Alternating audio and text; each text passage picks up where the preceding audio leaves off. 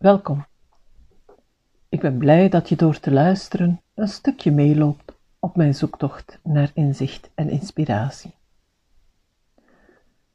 Een podcast beginnen is op zich niet zo moeilijk. Er is heel wat dat ik wil delen. Dingen waar ik al lang bezig mee ben, maar ook wat spontaan, ongevraagd in mij naar boven komt.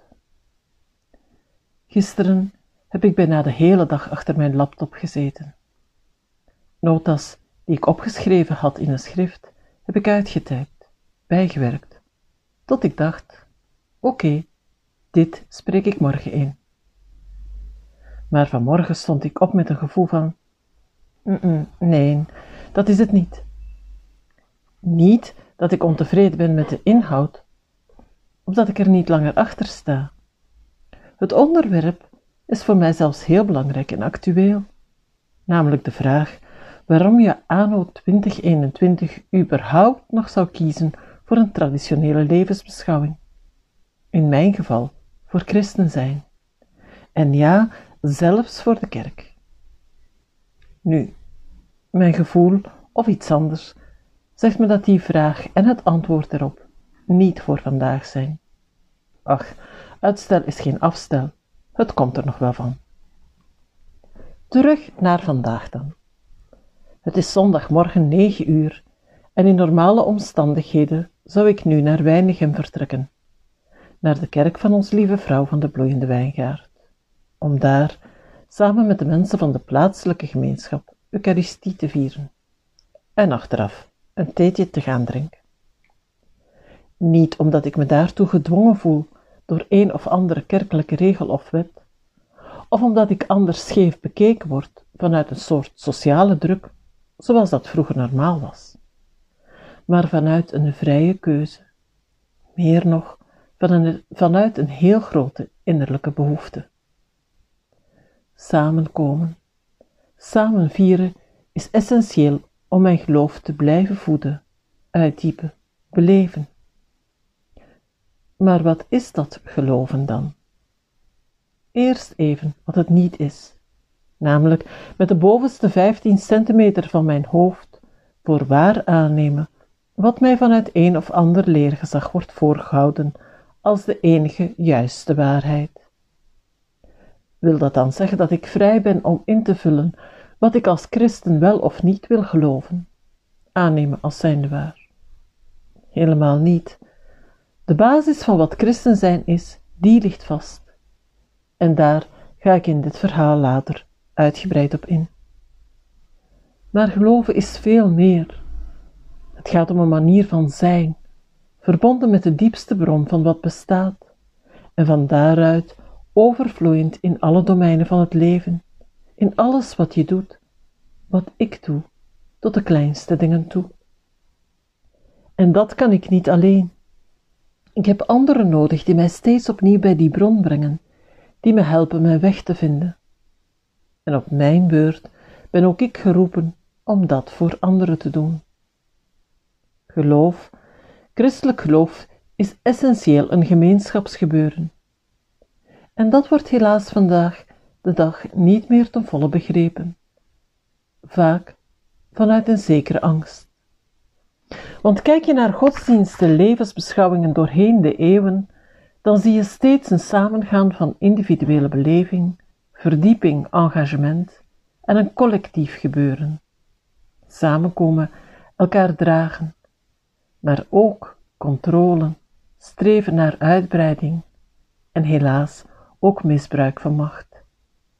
In de naam van één God, van goden en godinnen, of onder het mom van de enige ware godsdienst, zijn de meest gruwelijke daden gepleegd, en dat gebeurt helaas nog steeds. Als je daarop focust, dan lijkt het veel veiliger om geloof, om godsdienstbeleving te verwijzen of zelfs te verbannen naar het domein van de puur individuele beleving. Geloof als iets tussen het individu en zijn of haar God. Om te bidden heb je immers geen groot gebouw nodig. Dat kan je in de stilte van je kamer. En hoe jij dat gestalte geeft in de rest van je leven, dat is je eigen zaak. Dat mag je zelf kiezen, zolang je er niemand kwaad mee doet. Dat is wat ik nu al een tijdje zie gebeuren. En de terreuraanslagen in naam van een godsdienst hebben dat zeker ook in de hand gewerkt. Maar juist nu in COVID-tijden zien we de gevolgen van dat verregaand individualiseren. Waar de gemeenschap ontmanteld wordt, wordt de druk op het individu te groot. We hebben elkaar, we hebben een dragende gemeenschap nodig.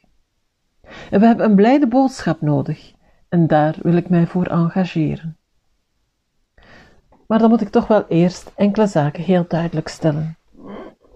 Eerst en vooral, ik wil niemand bekeren tot het christendom en of oproepen om lid te worden van de katholieke kerk, als zijnde de enige echte ware godsdienst en kerk.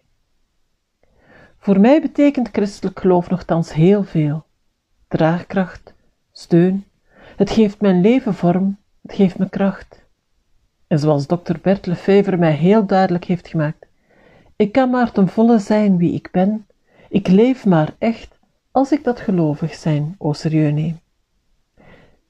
Van die rijkdom wil ik getuigen, dat wil ik delen, in het besef dat de christelijke identiteit nog steeds verworteld zit in onze cultuur en van daaruit ook herkenbaar is en kan zijn. En vooral ook vanuit het aanvoelen dat anderen hierin misschien een bron kunnen vinden om hun leven verder op een positieve manier inhoud, gestalte te geven. Maar ik ben mij er ook van bewust. Moest ik in Azië geboren zijn, dan was ik mogelijk Hindoe of Boeddhist. Kwam ik uit de Arabische wereld of Noord-Afrika, dan was ik meer dan waarschijnlijk Islamiet. En zo kan het ook nog verder. Het zijn maar een paar voorbeelden.